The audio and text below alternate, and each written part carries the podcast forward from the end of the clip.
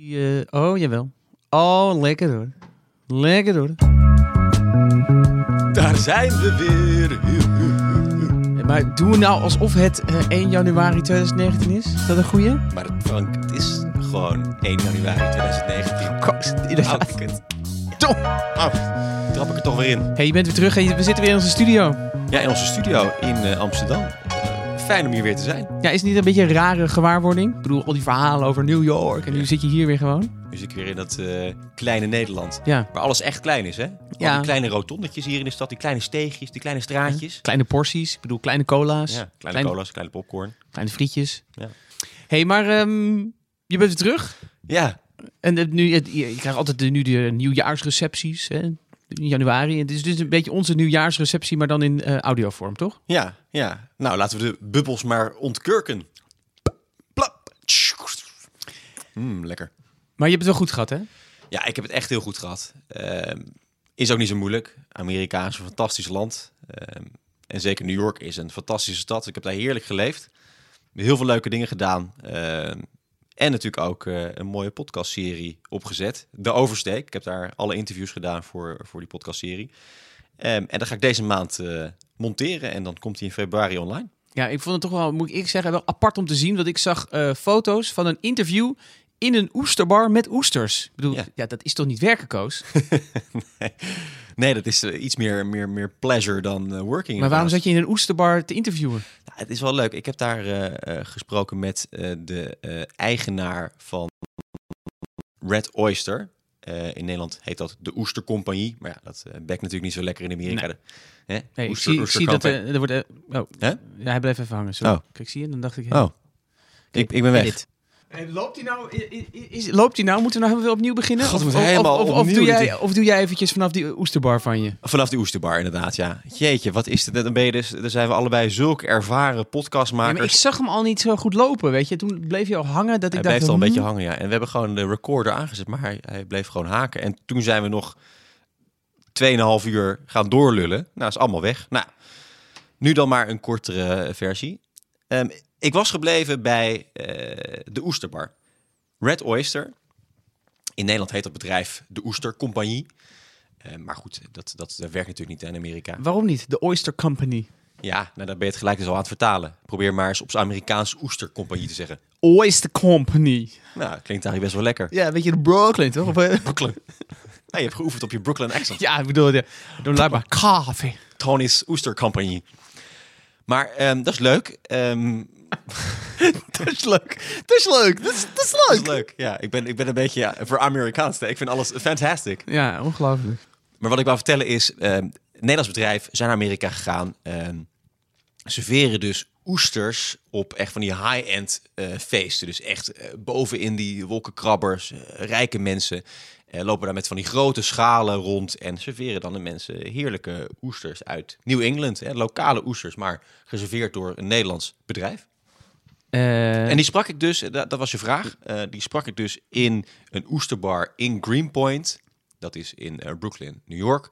Ehm, en we spraken er af omdat zij samenwerkt met die bar. Zij leveren de oesters aan haar die zij weer serveert op die feesten. Maar eh, ja, misschien een stomme vraag, hoor, maar ik bedoel, waarom moet een Nederlands bedrijf naar Amerika om daar oesters te serveren? Ja. Dat kunnen ze in Amerika toch ook wel? Ik bedoel, eh, New York, the city that never sleeps. Ik bedoel, glitter, glamour. Dan komt een of andere steentje Nederlandse Calvinisten. Ja, nou, het is dus niet dat wij op de Calvinistische manier oesters serveren, blijkbaar, vertelde zij. Ehm, nee, wat, wat wij juist goed kunnen, is met veel bravoer de oesters serveren. Dat kunnen wij dus op een hele leuke, soepele manier. Die Amerikanen zijn toch, als in de horeca werken, blijkbaar wat stugger. Ja, in Nederland heb je toch...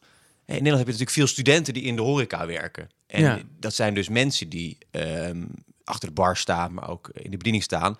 Maar wel ook heel intelligent zijn en eh, een gesprek op niveau kunnen voeren.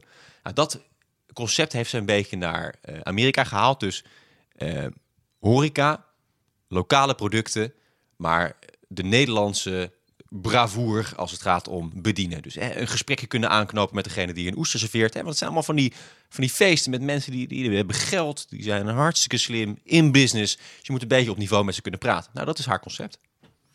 Oké. En zo- toch? zijn er ook Nederlandse meisjes die eh, naar Amerika komen? Omdat, eh, want het zijn vaak meisjes, hè? jonge twintigers. eh, niet onaantrekkelijk. Die dan met van die schalen. Worden die dan ook geïmporteerd? Nee, dat zijn echt, ze werken echt met lokale eh, mensen. Dus met eh, vaak eh, Amerikaanse studenten die aan Columbia studeren of aan NYU. een dus- beetje bij studeren. Je studeren? Wij studeren, ja. Ja, ja, ja. Gewoon, de, ja, gewoon reële studenten uit New York worden ingezet inderdaad op die feesten. Ehm, en dat werkt goed. En zij is, Angelique heet ze, zij is flink met haar netwerk eh, bezig en eh, eh, spreekt er vaak af met, met lokale event managers hè, die dan eh, die, die eh, feesten organiseren. En eh, ze wordt er steeds vaker bijgehaald. Dus dat is echt eh, flink aan het groeien daar in New York.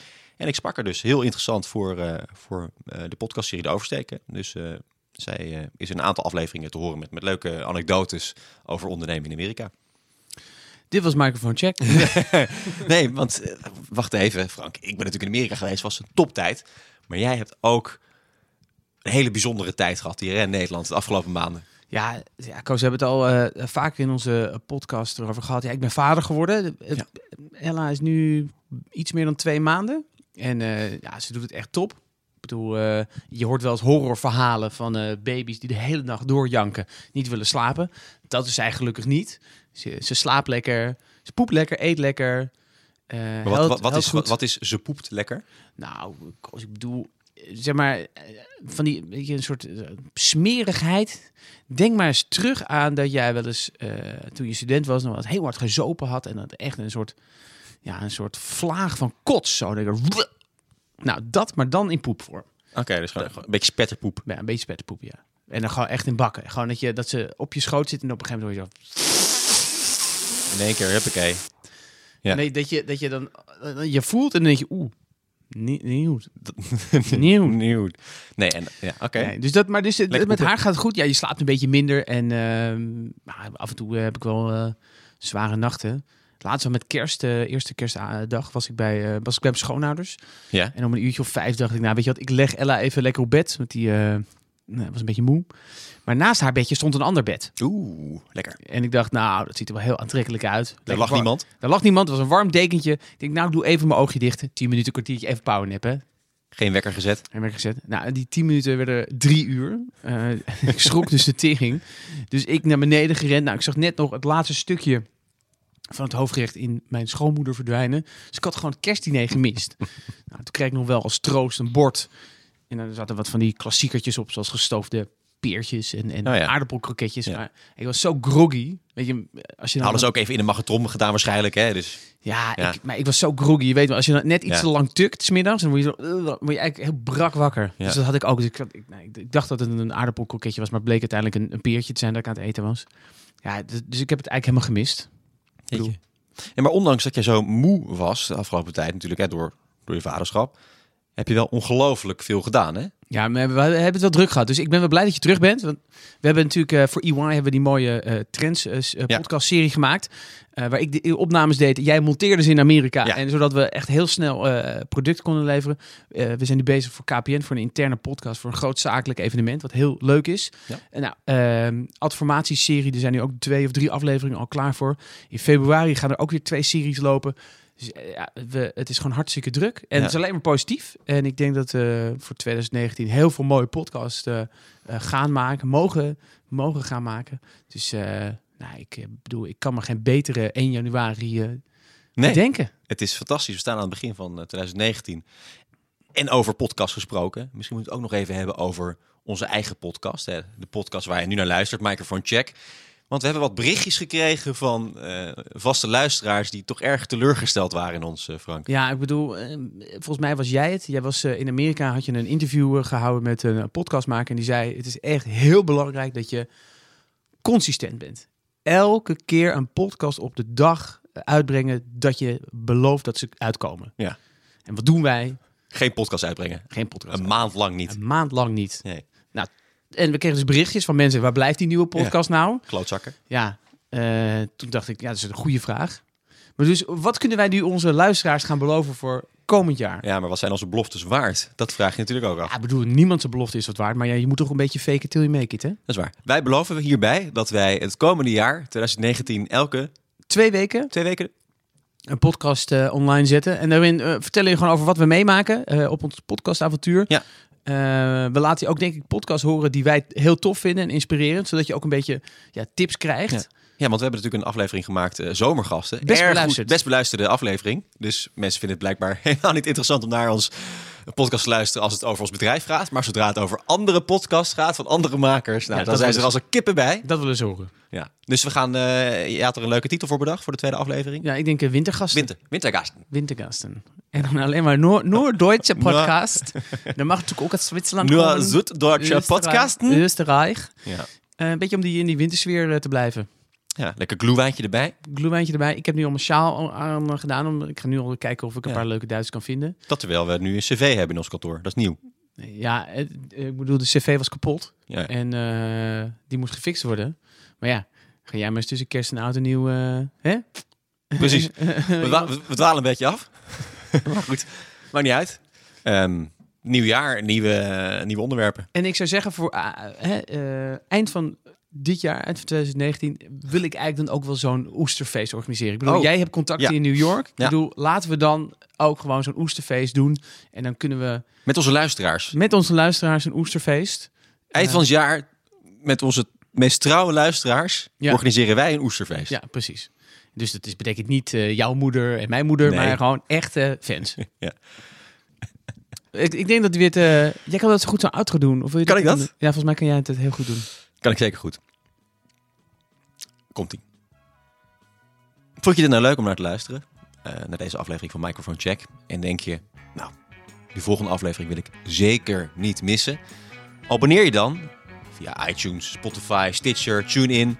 Of waar jij dan ook je podcast vandaan haalt. Frank, met jou tot de volgende keer maar weer. Ja, dat lijkt me ook. En laat ook een review achter, jongens. Ik wil, willen sterren zien. Ja, sterren. We willen sterren zien. Tiki. Vijf sterren is natuurlijk fijn. Vier mag ook. Maar ja, misschien zeg je, ik vind die Frank wel ook een paardenreet. Dan mag je ook één ster geven. Ja, moet je wel een beetje argumenteren waarom Ja. je hem een paardenreet vindt. Ja, zoveel argumenten heb je toch niet. Maar ja, je moet toch opkomen. Ja. Nou, Tot de volgende keer. doei doei. Doei.